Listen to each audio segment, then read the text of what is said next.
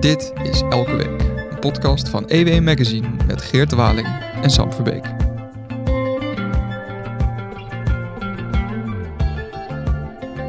Na de verkiezingen is eh, de PVV van Geert Wilders is de uitgegroeid tot de grootste partij. Met een, eh, met een flinke voorsprong op de concurrentie. De andere winnaars dat zijn eh, het, de NSC van Pieter Omtzigt en de Boer-Burgerbeweging van Caroline van der Plas.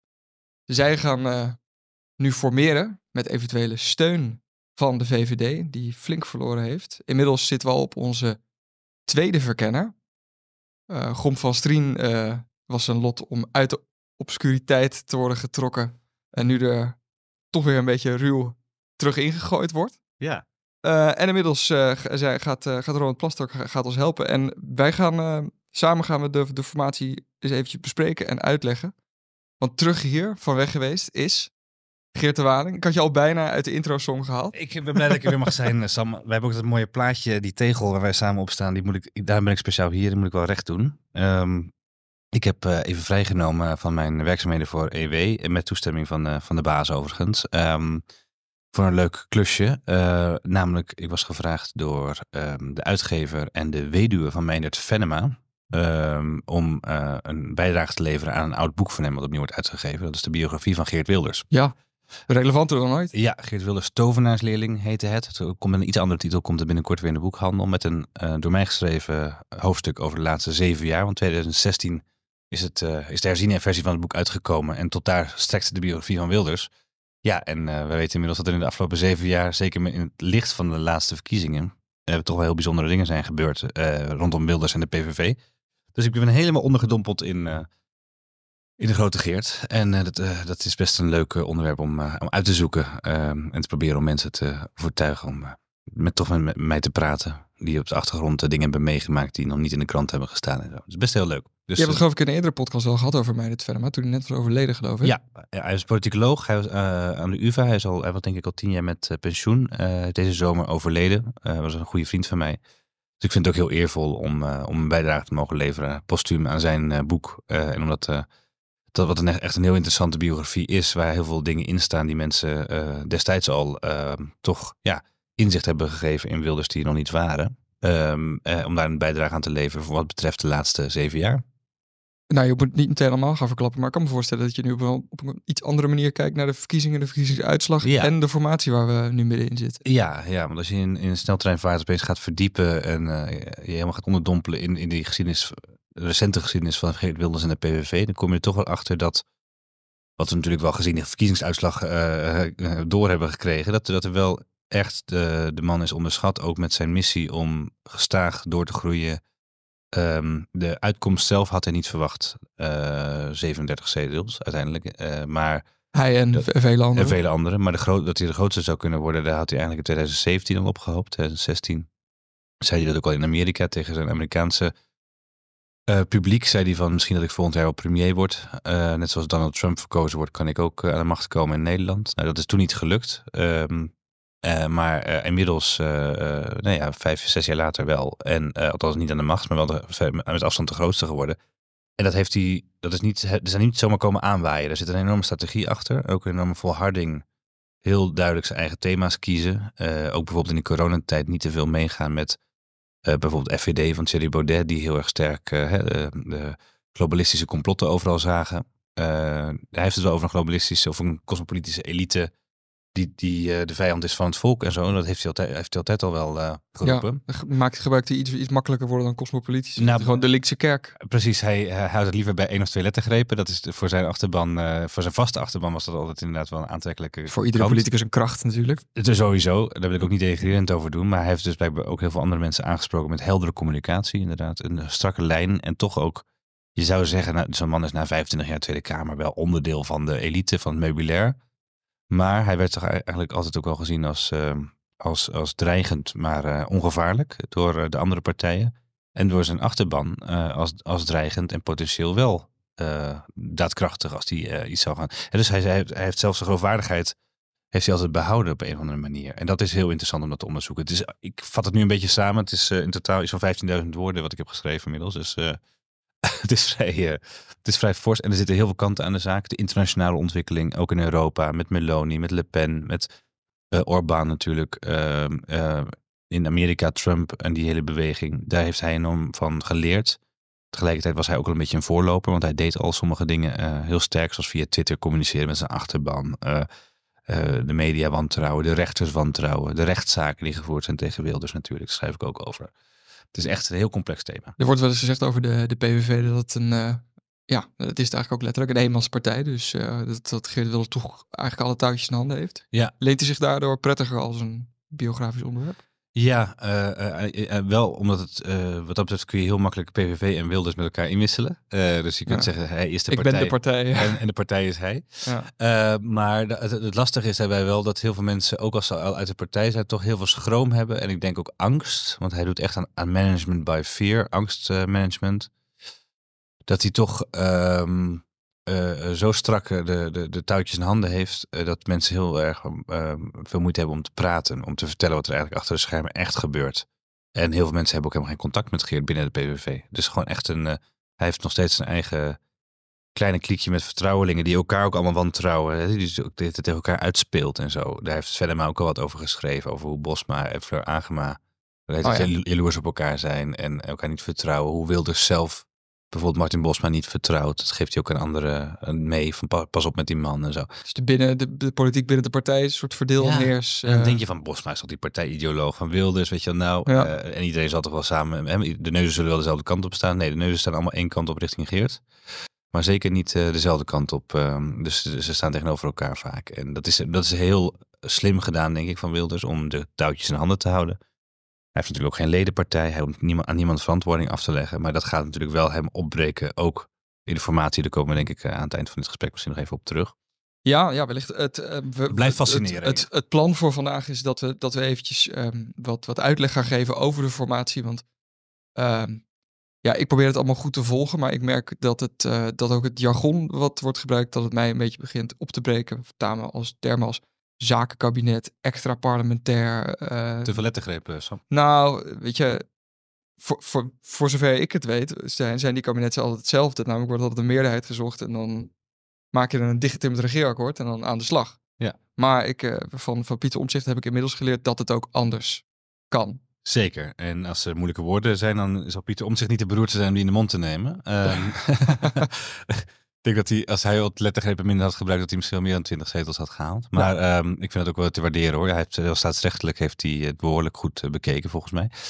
Hij is ook een ervaren politicus. Laten we, eh, we gaan eventjes doorheen. Het, eh, ja. ik, ik, maar laten we wel even de, de, de actualiteiten bespreken, zodat we weten waar we nu zitten in de formatie. In de intro zei ik al dat uh, Gom van Strien, die was aangesteld Zoals iemand zei op Twitter, Gom bleef niet lang plakken. Ja. Gom bleef niet lang, plakken. Nee, die, die, man die is soort veroordeeld dat hij nu een soort pubquiz feitje gaat worden. Ja. Um, Hoe heet de eerste verkenner van het kabinet? Wilders 1 of uh, ja. ja. Um, maar die is weg en inmiddels is Ronald Plasterk is, uh, is aangesteld. En die heeft inmiddels ja. redelijk wat partijen aan één tafel gekregen. Um, wat ja. geloof ik al een bijzonder, bijzonder uh, moment is in de verkenningsfase. In paardjes, hè? Ja, Um, Vond ik ook zo lief klinken, alsof de Ark van Noah gevuld moesten nu, nu was het ook nog eens dat uh, de Ronald Plasterk, daar, natuurlijk, de, nou ja, de, daar waren de wenkbrauwen toch iets wat van gefronst dat hij de verkenningsfase ging doen. Het is natuurlijk wel vaker bij, bij de formatie dat leden van de Partij van de Arbeid worden gehaald om kabinetten te maken waar de Partij van de Arbeid niet aan deelneemt. Vorig jaar, vorige, vorige kabinet was het en Jake Willink en Mariette Hamer. Ja. Die is overigens allebei niet gelukt. Het moest uiteindelijk moest, uh, moest Remkes moest, uh, ja. het, het uiteindelijk uh, gaan oplossen. Um, maar er werd er Plasterk werd ook gevraagd of, of hij eigenlijk wist waarom Geert Wilders hem had gekozen. Heb je dat ook meegekregen? Dat heb ik niet meegekregen. zijn antwoord was, nou, hij zei zoiets als um, dat hij dacht dat, dat hij hem geen loer zou draaien. Oh ja, Nee, dat heb ik. Eh, maar ik dacht intussen, um, dat is natuurlijk omdat Wilders zijn columns in de Telegraaf graag leest. Ja. Waarin Plasterk uh, altijd uh, behoorlijk van leer trekt, ook tegen Frans Timmermans, de lijsttrekker van PvdA GroenLinks. Ja, dat was ook een soort troll dat zij zien niet. Uh, ja. Zij, zei dat de vorige aflevering ook. Maar dat, dat van het idee dat ik hem geen loer zou draaien. Ja, nou, zo, zo denkt Wilders dus. ja. Wie, wie, wie, is, wie is het minst niet te vertrouwen? Had verder maar dat ook al door. Ja, zeker. Ja. Dat, uh, dat vertrouwen en controle, dat dat, dat, dat toch... Uh... Absoluut. Nee, uh, hij Wilders denkt eerder van wie, wie, wie wantrouw ik het minst dan wie, wie vertrouw ik het meest. Ja. Dus dat is, dat is bij Plasterk zeker zo. Plasterk heeft natuurlijk inderdaad ook wel een buitenfunctie. Hij is minister geweest. ehm, Twee is- keer? Twee keer zelfs. Hij heeft eh, eh, eh, natuurlijk, eh, is nu actief buiten de politiek. eh, weer in zijn oude vakgebied, eh, medicijnontwikkeling. Eh, en column schrijven. en columns schrijven eh, waarin hij lekker scherp is. Dus dat, eh, waarin hij duidelijk aangeeft hè, in de Telegraaf dat hij toch wel ehm, in ieder geval gevoel heeft voor waarom nou ja, de, de mensen niet allemaal massaal op de links-progressieve partijen stemmen of op de gevestigde orde en zo. Hij heeft er in ieder geval ideeën over. Ja, en tegelijkertijd is die ook weer dan niet omstreden, niet zo omstreden als de meeste echte PVV'ers. Dus ik denk dat het een, dat, dat het een goede keuze was. Ehm, maar ik ben benieuwd of het Plasterk lukt om, ehm, om hier meteen al een, eh, een liefde te, te stichten. Het zal denk ik nog even duren tot ver na de kerst voordat het echt, ehm, echt lukt. Eh, de partij die hij nu om tafel heeft, eh, dat doet hij op zich wel eh, slim. heeft hij dus in paardjes uitgenodigd. Het gaat dus om Je- Jesselgus en Wilders, Wilders en Omtzigt, Omtzigt en Jesselgus. Caroline van der Plas.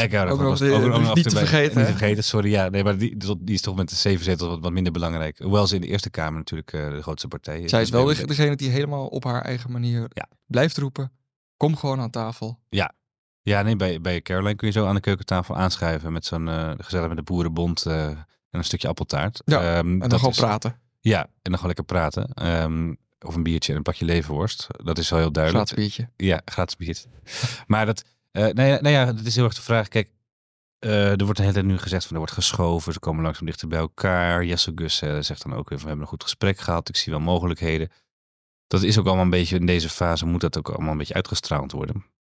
Maar het is natuurlijk eh, behoorlijk de vraag eh, hoe je met een partij die zoveel groter is dan de rest, 37 zetels, om VVD 24, NSC 20 en BBB 7, dan wordt het een heel dominant VVD, PVV-kabinet. Als het, ik zal straks vertellen waarom ik denk dat er geen PVV-kabinet komt, maar als dat er zou komen, dan Goede cliffhanger. is dat heel lastig, ja.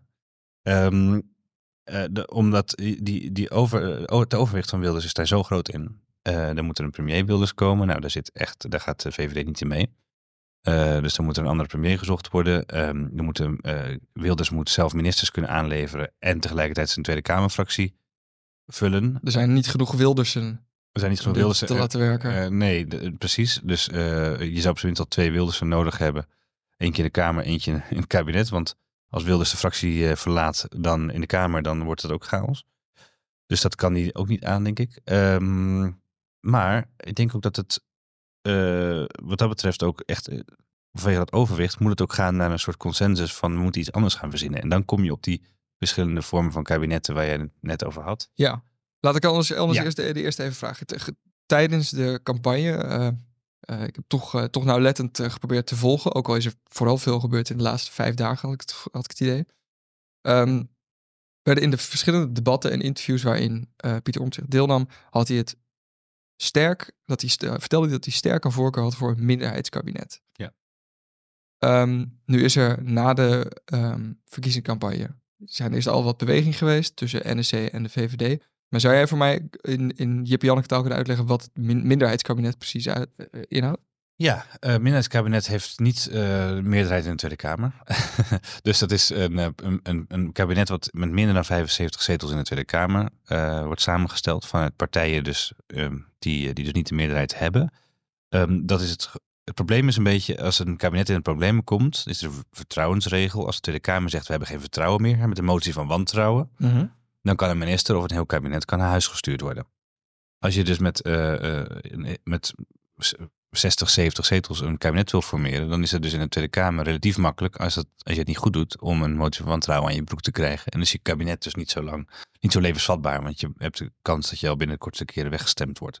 Nu was vroeger de motie van wantrouwen een heel zwaar en daardoor wat zeldzaam gebruikt wapen. Dan heb ik het vooral over de afgelopen ongeveer 15 jaar geleden. Ja. Eh, tegenwoordig is, wordt die vaker en makkelijker gebruikt. Hoe komt dat? Nou, Wilders zet hem heel vaak in. ehm, maar Ah, dat, is maar dat, hè, Pavlov. Dat is die, een- gaat, die gaat natuurlijk nu regeren. Dus dan Ja, hoewel ik bang ben dat zelfs de PV in staat is om motie van wantrouwen tegen, tegen Wilders zelf in te dienen. Maar ehm, nee, dat, dat, dat is, eh, de motie van wantrouwen is inderdaad wat aan, het begrip is aan inflatie onderhevig. Maar laten we wel wezen, hij wordt nooit aangenomen als Wilders hem indient. Nee. Eh, dus het is eigenlijk altijd een tandenloze motie. Eh, maar, de, het, het is je manier om het nieuws te halen. maar je ziet dat hij nog steeds heel krachtig is. Want bij de val van het kabinet ehm, is er, eh, de kabinet viel op vrijdagavond op maandagochtend. maakte Mark Rutte zijn vertrek bekend. Als hij dat niet had gedaan, had hij misschien wel. Hè, er zat, uh, Jan Paternotte van D66 zat daar een beetje over rond te bellen op die zondagavond. Ja, na een motie van Jesse Klaver. Met Wilders. Ja, over te kijken of er misschien steun was. Uh, of er genoeg steun was om Rutte al meteen na het weekend weg te sturen. Dan had de VVD waarschijnlijk gezegd, dan sturen wij alle ministers weg en dan was het kabinet. Dan hadden we Kaag als... Uh... Uh, hadden we Kaag gehad als, als tijdelijke premier en, en, en een kabinet met alleen maar D66'ers en wat CDA en ChristenUnie. Dus dat was uh, heel raar geweest. Maar Rutte heeft de angel eruit gehaald door zijn eigen vertrek aan te kondigen. En toen is dat debat heel anders gelopen. Anders was hij misschien wel... Nou, die dreiging daarvan, van die motie van wantrouwen, was heel reëel. Meestal als een kabinet valt, is het ook meer uit angst voor een motie van wantrouwen. Of het kabinet Rutte 3 viel op de toeslagenaffaire, januari 2021. Er waren al verkiezingen aangekondigd in maart, dus het was eigenlijk een beetje in blessuretijd. Maar toch, het mm. kabinet is gevallen omdat er een dreigde een motie van wantrouwen te komen in de Tweede Kamer. Dus het is best een, het is nog steeds wel een heel actueel en uh, krachtig instrument. Maar goed, het vertrouwen dus, het minderheidskabinet heeft dus uh, wel vertrouwen nodig in de Tweede Kamer. En daarvoor zoeken ze dus gedoogsteun. Dat ja, is, dus dat, vaak in de vorm van één partij, zoals uh, Rutte 1 dat heet, met VVD, CDA in het kabinet, ministers van VVD en CDA huizen.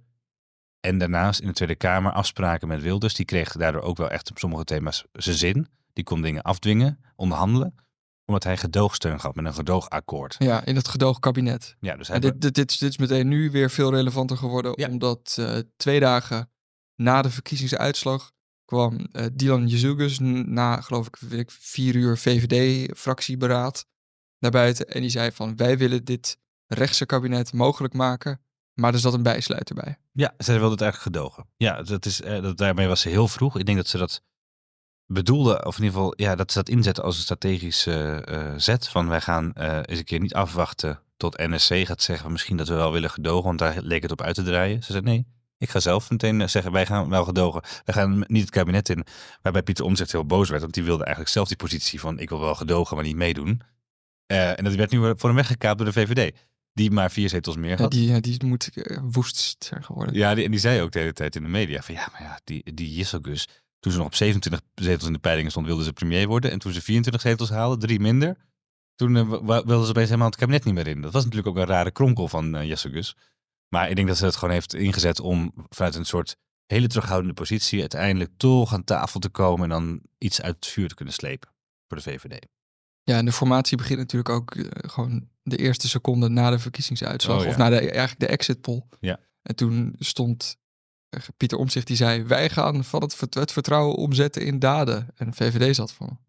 Wij zijn teleurgesteld. Ja. Wij zijn teleurgesteld. We hebben die zetels verloren. Dus waren nog steeds op zich vond ik dat, dat Jesse Gus het wat dat betreft helemaal niet slecht had gedaan. Maar je moet maar eens aangestaan. Mark Rutte met die premiersbonus, met die, eh, met die hè, hoe, hoe omstreden Mark Rutte ook was en hoe soms uh, falend zijn kabinetten ook konden zijn. Hij was altijd goed voor zoveel zetels en hij was altijd populair. En onder een groot deel van, eh, van van de kiezer. Uh, hij haalde 34 zetels nog uh, de laatste keer, terwijl hij toch echt onder vuur lag. Vanwege die toeslagenaffaire. Nou, uh, en andere dingen midden in de coronacrisis had hij, een beetje, had hij natuurlijk ook een beetje hulp van. Um, want hij was de crisispremier bij uitstek natuurlijk. Maar goed, hij was weg. Hij deed niet meer mee. Hij was ook weinig zichtbaar. En Gus moest in er eentje opknappen. Nou, dat vind ik toch dan 24 zetels best aardig gedaan. Alleen PvdA GroenLinks heeft er eentje meer. En Wilders heeft er 13 meer. Dus dat is nogal een scheve. Vooral het laatste. Dat is vooral het laatste is nogal moeilijk onderhandelen. Um, maar nu, nu wil ja. uh, VVD, die zegt dan van wij willen die gedoogsteun leveren. En uh, even voor mijn eigen helderheid. Ja. Die gedoogsteun, daarmee uh, zorgen er dan voor dat het kabinet wat zit, iets stabieler in het zadel zit. Ja. Want die kunnen niet zomaar worden weggestemd. Op jouw voorwaarden. Je levert zelf geen, tenminste de VVD zou geen nee bewindslieden leveren. Nee, je doet dus niet helemaal mee, maar je levert wel steun. Je zorgt dat je voorkomt dat zo'n motie van wantrouwen snel ingediend kan worden. Je belooft dat ook. Je sluit daar een akkoord over. Een aantal voorwaarden van dit willen wij dan wel gedaan hebben. Maar dan willen wij dat ook in het regeerakkoord hebben. Of hè, dus dan doe je het met, met een gedoogakkoord. En dit is ook een manier om de... Want het gaat alleen om een aantal vlakken. Je, je kan niet helemaal meepraten. De rest moeten ze op zoek gaan naar meerderheden in de Kamer. Voor als ze iets gedaan willen krijgen. Nou, ik wil het zeggen, een minderheidskabinet wil niet per se zeggen een gedoogkabinet. Want je kunt ook een minderheidskabinet hebben. Dat zal dan wel. Zonder gedoog. In de praktijk zal het zijn een paar zeteltjes minder dan 75, hè, ja. dan de helft van de Kamer. Maar goed, zonder gedoogsteun. Maar dan dat je dan elke keer zoekt. Kijk, bijvoorbeeld SGP is een partij die niet makkelijk meegaat in uh, moties van wantrouwen. Daar kun je best afspraken mee maken vaak.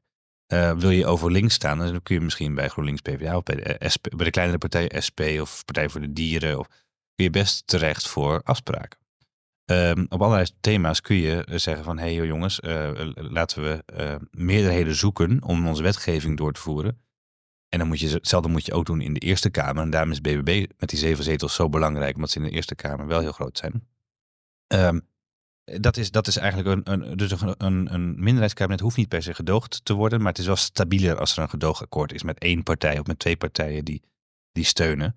Um, en dan hopen daar maar dat ze dat akkoord niet halverwege de rit verbreken en toch uh, het kabinet laten vallen, zoals, pardon, zoals gebeurde in uh, 2012, um, waar overigens het CDA ook wel een beetje op aangestuurd had. Hoor. Het is niet alleen Wilders die weggelopen is, dat heeft Rutte altijd heel effectief ingezet dat Rutte is weggelopen uit de katshuisonderhandelingen. Maar er lag een fors pakket bezuiniging op tafel. En het CDA had eigenlijk, zat zo met lange tanden in het kabinet. We weten nog die Brabanthallen. Uh, ja, we hoopten, de politieke junkies die hoopten natuurlijk allemaal op een congres van de VVD. Maar dat werd een soort uh, ja. kleine ledenbijeenkomst. Helaas. Ja. ja nee, alleen Arnhem. Ja, nee, dus, dus, dus, dus daar, daarvan is eigenlijk de de, de, de, gedoogconstructie is, is wat dat ook wel vrij wankel. Wilders liep daar wel inderdaad uh, weg, maar um, het was eigenlijk een, eh, een, sowieso een ramp uh, die samenwerking. Omdat er steeds meer bezuinigd moest worden in een moment van financiële crisis. Um, dus het kabinet sneuvelde in 2012.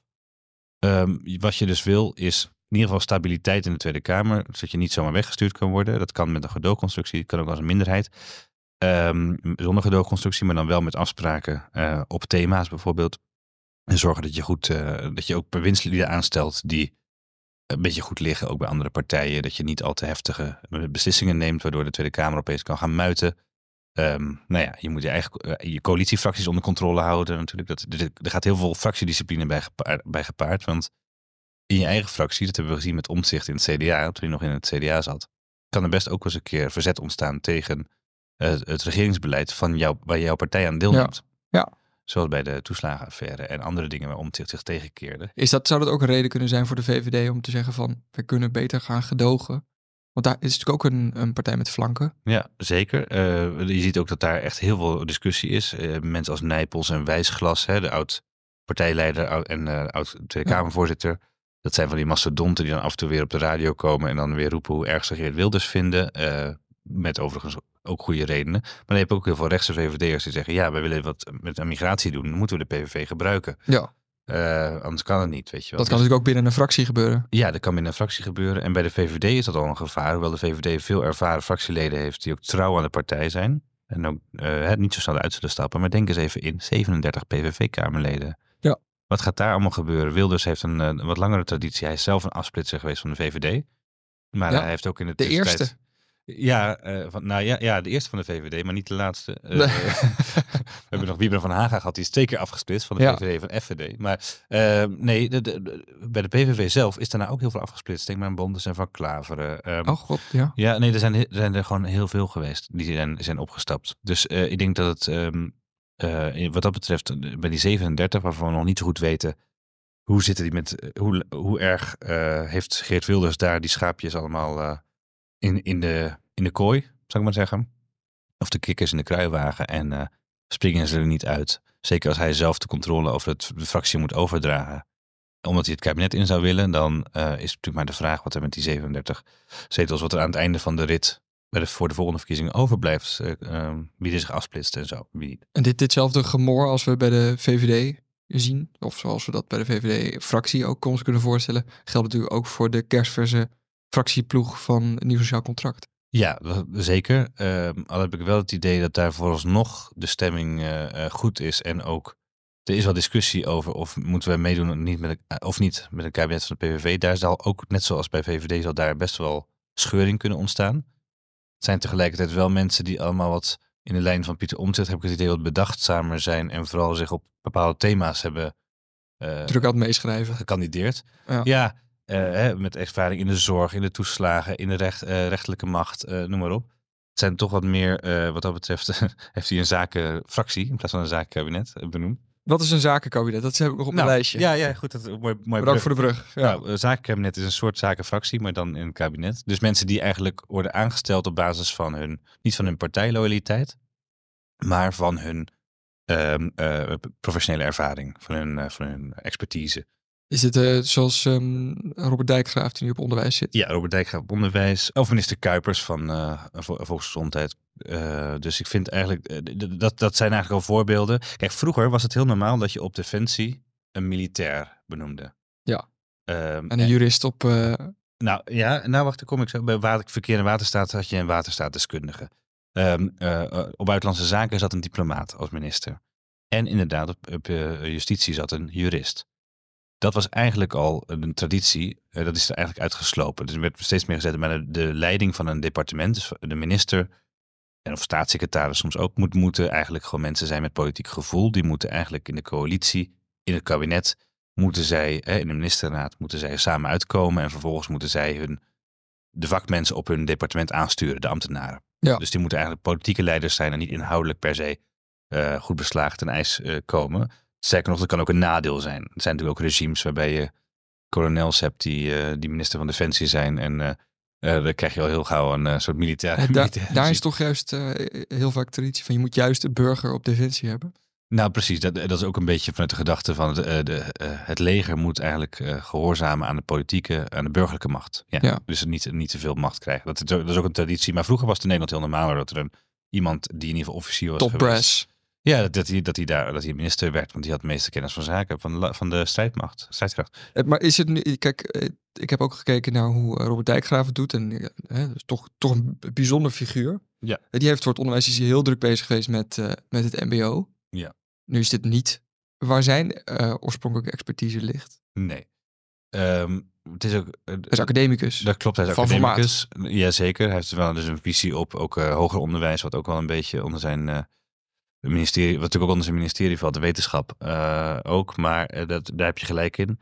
En bovendien is hij ook wel echt als, als D66 bewindspersoon geïnstalleerd. Hè? En eh, Ernst, Ernst Kuipers ook. Dat die, ik geloof wel dat, ik weet niet of het voor allebei geldt, maar dat er eentje nog een van lid, lid moest worden van D66 om Ik geloof, allebei. Allebei. Dus die worden dan wel lid gemaakt. Het zijn dan niet echte partijtijgers.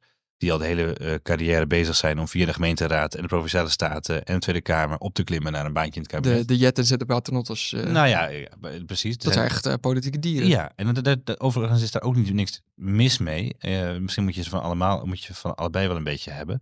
Maar het is, die worden wel op hun maatschappelijke engagement, expertise uitgezocht, en niet op hun politieke palmares. Wat je vervolgens wel het verschil hebt tussen een zakenkabinet en een extra parlementair kabinet, is dat een zakenkabinet eigenlijk ingevuld wordt met vakministers, zou je kunnen zeggen, ministers die al verstand hebben van hun vakgebied. Een extra parlementair kabinet is dat je ook nog eens een keer loslaat dat die mensen partijgebonden zijn. Dat is het dus. Kijk, En dan kom je dus uit met, en dat, dat, dat Dus, kan. kijk, een dus oké, er bestaat zoiets als een extra parlementair zakenkabinet. Ja. Dan, dan bel je dus inderdaad de, de ho- hoogste academicus Robert Dijkgraaf. Zegt, je hoeft geen lid te worden van D66. of, Doe al, of al ben je lid van, van PvdA of van, van SP, eh, maakt niet uit. Ehm, dat zou trouwens overigens voor de PVV wel handig zijn, want die heeft geen leden, behalve Geert Wilders, zoals we weten. Dus ehm, elk kabinet met het. Dat worden PVV-ministers allemaal extra, extra parlementaire Is al- ministers. eh, is dan- officieel extra parlementair, geloof ik. Maar nee, ja, ja, eh, daarvan is het eh, principe dat je het kabinet zozeer inzet op eh, wat zijn de problemen in het land en laten we die oplossen, omdat je er in de Tweede Kamer niet uitkomt. En dat je vervolgens in de Tweede Kamer wel steunt, met een, dat is niet met een regeerakkoord, maar met een regeerprogramma. En dan met, met zo'n programma steun je eigenlijk dat extra parlementaire kabinet. Maar die staan dus op grote afstand van de Tweede Kamer. Die worden niet gecontroleerd eh, of niet, eh, ja, niet aan een lijntje gehouden door die coalitiepartijen, die fracties in de Tweede Kamer. Of andersom hebben zij ook niks te zeggen over die coalitiepartijen. Dan moet het echt op thema, moeten ze gaan regeren en hopen dat in de Tweede Kamer daar steun voor is. Ehm, dat is wel iets wat, eh, wat, wat erg eh, omslachtig is hoor. En het is ook heel kwetsbaar. Moeilijk met checks en balances, toch? Ja, het is, het is heel kwetsbaar. Het is een heel mooi idee. Wij zouden zeg maar zelf, samen met een paar leuke mensen van onze redactie, zouden wij een kabinet kunnen samenstellen. En als wij dan een meerderheid in de Tweede Kamer krijgen, daarvoor zouden we kunnen gaan regeren. Ehm, in theorie dan, hè? In theorie. In de praktijk werkt zo partijpolitiek helemaal niet natuurlijk. Dus dat is, dit zijn allemaal dingen die in de onderhandeling dan even worden geopperd, waar misschien even naar uitgeweken wordt. Uiteindelijk zal het er toch op neerkomen dat er in de Tweede Kamer door partijen voldoende steun moet zijn, voldoende vertrouwen dus, en, en, en, en weinig moties van wantrouwen, ehm, die, eh, die het zouden kunnen halen om zo'n zo'n kabinet wat langer dan, eh, dan een paar weken te laten zitten. En dat is natuurlijk wel de bedoeling. Ehm, dus ik vermoed dat als dat niet lukt, dat, eh, eh, dat het eerder op nieuwe verkiezingen uitloopt volgend jaar, dan dat er, eh, dan dat er zoiets geprobeerd zal worden. Of dat er zoiets ja, dat het zal lukken om zoiets in, in, te, in elkaar te zetten, zo'n zo'n extra, extra parlementair kabinet. Dat is in deze tijd vrijwel ondenkbaar, omdat alles zo partijpolitiek is. En ook de- in, de- in die partijen zelf heel veel mensen met ambitie zitten. Dus die moeten echt allemaal over hun schaduw heen stappen. Ook zelf. ja, want denk maar, eens, denk maar eens in de top van de VVD en de top, eh, nou in deze tijd, Dat is wel top, echt een cliché van het jaar, hè? de top van GroenLinks PvdA. Kijk, hoe graag Jesse Klaver waarschijnlijk eh, minister zou willen worden. Ja. De, de, Boswijk van het CDA. Nou, CDA zal misschien wel buiten de boot vallen deze keer. Maar vanwege hun eh, vijf zetels. Wat durf jij al aan een... Kijk, het- ze zijn nu nog maar een paar weken bezig met, met praten en, eh, en overleggen en aan tafel zitten met Ronald Plasterk. Ehm, welke richting eh, denk je dat het in zal gaan? Ik bedoel, je zei net al dat het waarschijnlijk ver na de kerst pas ergens zal worden. Ja. Het nieuwe jaar. Welke, welke combinaties eh, vermoed je? Ik ben historicus, hè, dus eh, mijn, mijn voorspellingen moet je altijd met een korreltje zout nemen. Maar ik zie wel in, ehm, wat ik net al noemde, dat Wilders heel veel moeite zou hebben de fractie, de, de, de, eh, echt de fractie te verlaten en, en het kabinet in te gaan. Alleen al omdat de PVV-fractie dan eigenlijk stuurloos is. Dat heeft hij zelf zo gecreëerd. 37 man opeens, ehm, eh, zonder echt eh, eh, leiding met gezag. Bart Lodewijk, die bij ehm, de, de, Onze eh, collega, ja. de verkiezingsavond was, die was eh, bij het zeepaardje. Ja, die sprak, die sprak daar ook met, met Martin Bosma en die zei zo van, we zijn zo groot, de helft van de fractie ken ik niet. En die Ja. is al vanaf het begin natuurlijk. Ja, ja, ja. Nou, is ook nog interessant of Bosma echt toch kans maakt om een Kamervoorzitter te worden nu. Want die, dat is natuurlijk een gedroomde Kamervoorzitter, omdat hij dat altijd heel goed doet. Tegelijkertijd is hij, houdt hij ook echt van hele scherpe inhoudelijke debatten. Bijvoorbeeld tegen de NPO en zo. Dus het is de vraag of hij het ook maar wil. Eh, maar, Dus zou hij niet minister willen worden? oh, en dat misschien ook nog. Misschien dat hij dat ook nog eh, afwacht. Dus dat wordt ook nog een rommelige verkiezing in de Tweede Kamer. Wie, is nu een tijdelijke voorzitter, maar wie wordt dan de vaste voorzitter van de opvolger van Vera Bergkamp? Nou goed, dus dat is ingewikkeld. Binnen de fractie van de PVV zal het niet lukken, maar ook die andere partijen, zeker de VVD, ehm, zal niet onder een premier Wilders willen fungeren. Dus wie moet dan premier worden? Eh, Ja, wie moet dan premier worden? eh, ja, nou ja, dat, ik, dat, dat vind ik echt nog te vroeg om dat, daarover te speculeren. Omdat Of je, moet hij extra parlementair komen? Ja, precies. Een man met ervaring, al Ja. 13 jaar. Toch Johan, Rem, Johan Remkes. of? Mark Rutte. Ja, toch helemaal Rutte. dat zou toch wel een goede stunt zijn, hè? Dat zou, de, Wilders zou ervan smullen. Dan zou hij in de kamer zou hij hem gewoon helemaal kapot Ik weet, niet of, ik maken. weet niet of Pieter Omtzigt dat, eh, dat aan kan. Ik vermoed dat, dat Wilders het nog serieus zou willen ook. Want hij mist eigenlijk zijn, zijn grootste politieke vijand. Waar hij zo van hield eigenlijk. Hè? Je Ja, maar daar, dan ben je natuurlijk geen vijand meer. Dan, dan, Ja. ben, je, dan ben je extra parlementair minister-president ja, eh, met de zegen van, van Geert Wilders. het zou wel heel geestig zijn. Nee, maar dan, dan, dan kan Wilders zelf een soort Bolkestein... kan hij het eigen kabinet kan hij het vuur aan de schenen leggen. Dat is ook wel weer... Ja, nou, dat eh, het, zit jij natuurlijk ook midden in. Ja. De, de rol van Bolkestein in, eh, in het leven van Geert Wilders. Dat is toch Ja. een groot voorbeeld. Ja, daar heeft Meijnet Venema dus al eh, veel over geschreven in het boek. En eh, ik voeg daar dan het laatste hoofdstuk aan toe. In de laatste zeven jaar is er weinig contact geweest tussen de twee. Maar eh, inderdaad, ja, de, de aanvankelijke titel was ook tovenaarsleerling. Omdat juist eh, Wilders de tovenaarsleerling van Bolkestein was. Ehm, ja, dat is wel... ik, ik- we zouden Frits Bolkestein ook nog kunnen vragen. Maar volgens mij gaat het met zijn gezondheid niet heel goed. Nou, Eh, Laten we die maar niet lastig vallen nee, dat een moeilijke vraag. dat zou echt zielig zijn. Nee, eh, maar de, de- nou, nee, wie zou de premier moeten worden? Dat is echt een goede vraag. Ik denk dat het dan dat je uiteindelijk toch uitkomt op eh, een of andere populaire burgemeester. Of een. Maar ja, dat is heel lastig met de combinatie met PVV, denk ik. Want eh het zal geen eh, PvdA-burgemeester worden. Ja. Geen GroenLinks-burgemeester. Dus Rotterdam en Amsterdam vallen af. Ehm, misschien een Jan van Zanen, dat zou nog kunnen. Ehm, of een eh, Johan Remkes, denk ik toch. Zal- Dat, dat zou toch eens... dat zou toch wel gezegd Nou, dan zegt hij vast niet meer mij niet bellen. Nee, dat, dat zou kunnen. Nou ja, nee, dit is, dit, is, Geroken in het torentje? dit is een beetje van het, eh, van het politieke geroddel. Ik noem het altijd een beetje royalty-verslaggeving zonder Ja, koningshuis. ja. Ehm, wel leuk hoor. Maar dat, dat, dat, kijk, wat er, wat, wat er in die eh, onderhandelingen gebeurt, is dat ze steeds toch proberen om eh, weer aan aan te trekken en af te stoten. En steeds weer, misschien moet het toch gaan praten. Misschien is het toch een doorbraak. Ook zie je wel mogelijkheden. En dan toch weer uiteindelijk, om ook op een geloofwaardige wijze kunnen zeggen, we zijn er niet uitgekomen, we hebben wel ons best gedaan zit natuurlijk ook eh omtzigt daar aan tafel en, eh, en zeker ook en, uh, Jesselgus. Van ja, als Wilders echt vol zou houden dat hij premier wil worden, dan gaat het nooit lukken natuurlijk. Wilders weet dat ook, dus die blijft juist volhouden dat hij premier wil worden, zodat hij in onder- onderhandelingen dat het op een gegeven moment kan laten schieten en heel veel daarvoor terug kan krijgen. Ja. En dat heeft hij met die politieke overwicht in de Kamer, heeft hij dat ook, eh, heeft hij echt goede, ja, goede kaarten in handen daarvoor. Dus hij zet dat ook in voor die onderhandelingen. Ik denk dat dat op dat moment, uh, op dit moment gaat dat echt een, een, een, een langdurig spelletje worden van die partijen. Um, totdat er op een gegeven moment wordt gezegd, we komen er echt niet uit. En dan wordt er misschien nog wel geprobeerd, en dat voorspel ik wel, dat er zonder Wilders wordt geformeerd. Maar dat zal eerst. Maar er zal eerst alle mogelijkheden met Wilders uitgebreid moeten worden verkend. En moet het hele theaterstukje uh, opgevoerd worden. En dat ze dan om hem heen gaan ja. met uh, GroenLinks, PvdA, et cetera. Maar ja, dan krijg je wel de, de, kans dat de, dat de PVV alleen maar groter gaat maken. En dan zit je wel met een oppositiepartij van 37 zetels in de Kamer. Um, heel ja, veel moties van wantrouwen. Een heel, een heel, heel veel moties van wantrouwen. Um, dus dat is ook niet een heel fijn scenario. Waarbij ook de gedachte is, het mag gewoon allemaal wel. Hè? Want je, als je de meerderheid haalt, of je uh, weet in ieder geval een stabiel minderheidskabinet. De, net de staatsrecht. Creëren, dan mag dat gewoon wel. Maar voor heel veel mensen is het toch een dikke middelvinger naar die kiezer. Ja. Die uh, 37 ja. uh, zetels van de PVV. Dat zijn 2,5 miljoen mensen. Ja, Um, dus dat is een, daar moet je ook, daar, daar moet eerst het hele andere toneelstukje af, afgewerkt worden. En dan moet worden gezegd, ja, sorry jongens, het land moet wel bestuurd worden. Mark Rutte wil graag naar Brussel, weet ik veel wat. Uh, en dan gaan we, en, en, dan moeten we toch maar zonder Wilders. Um, maar dan proberen we wel uh, geloofwaardig tot een, tot een, ja, misschien een minderheidskabinet te komen. Of je kunt best met, uh, met PvdA, GroenLinks, VVD, NSC, nog andere partijen, kun je best uiteindelijk ook wel in de buurt van die 75 zetels komen. Ja, nou, wij volgen het toneelstuk uiteraard op de voet. Ik wil je bedanken Zeker. voor dit uh, toch een beetje lesje staatsrechtelijk jargon van de extra parlementaire de zakenkabinetten. Ja, ik zal volgende keer proberen om het wat uh, nog meer Jippe Janneke taal te nou, ik heb, ik heb het meegekregen, maar ik hoop de luisteraars ook. Uh, Geert, ik, ik, wil je heel erg bedanken. Uiteraard heel veel succes. Dankjewel. Want, het, ik, ik, het boek ligt als het goed is al voor de kerst in de winkel. Nou, dames en heren, u hoort het prachtige cadeau onder de boom. Volgende week komen we erop terug. Uh, en oh ja, mijn voorspellingen zijn allemaal houdbaar tot het einde van deze dag. Ah, nou, hier. Volgende uiteindelijk gewoon weer nieuw hoor. Speculeer lekker mee. Dank u wel. Dit was Elke Week. Een podcast van EW Magazine met Geert de Waling en mij, Sam Verbeek. Zoals elke week kan je de besproken artikelen ook vinden in onze show notes. Voor dit een leuke podcast? Abonneer je dan en laat een leuke review achter. Heb je vragen of opmerkingen? Geert kan je op Twitter vinden onder Geert. Ik ben op Twitter te vinden onder @samwv.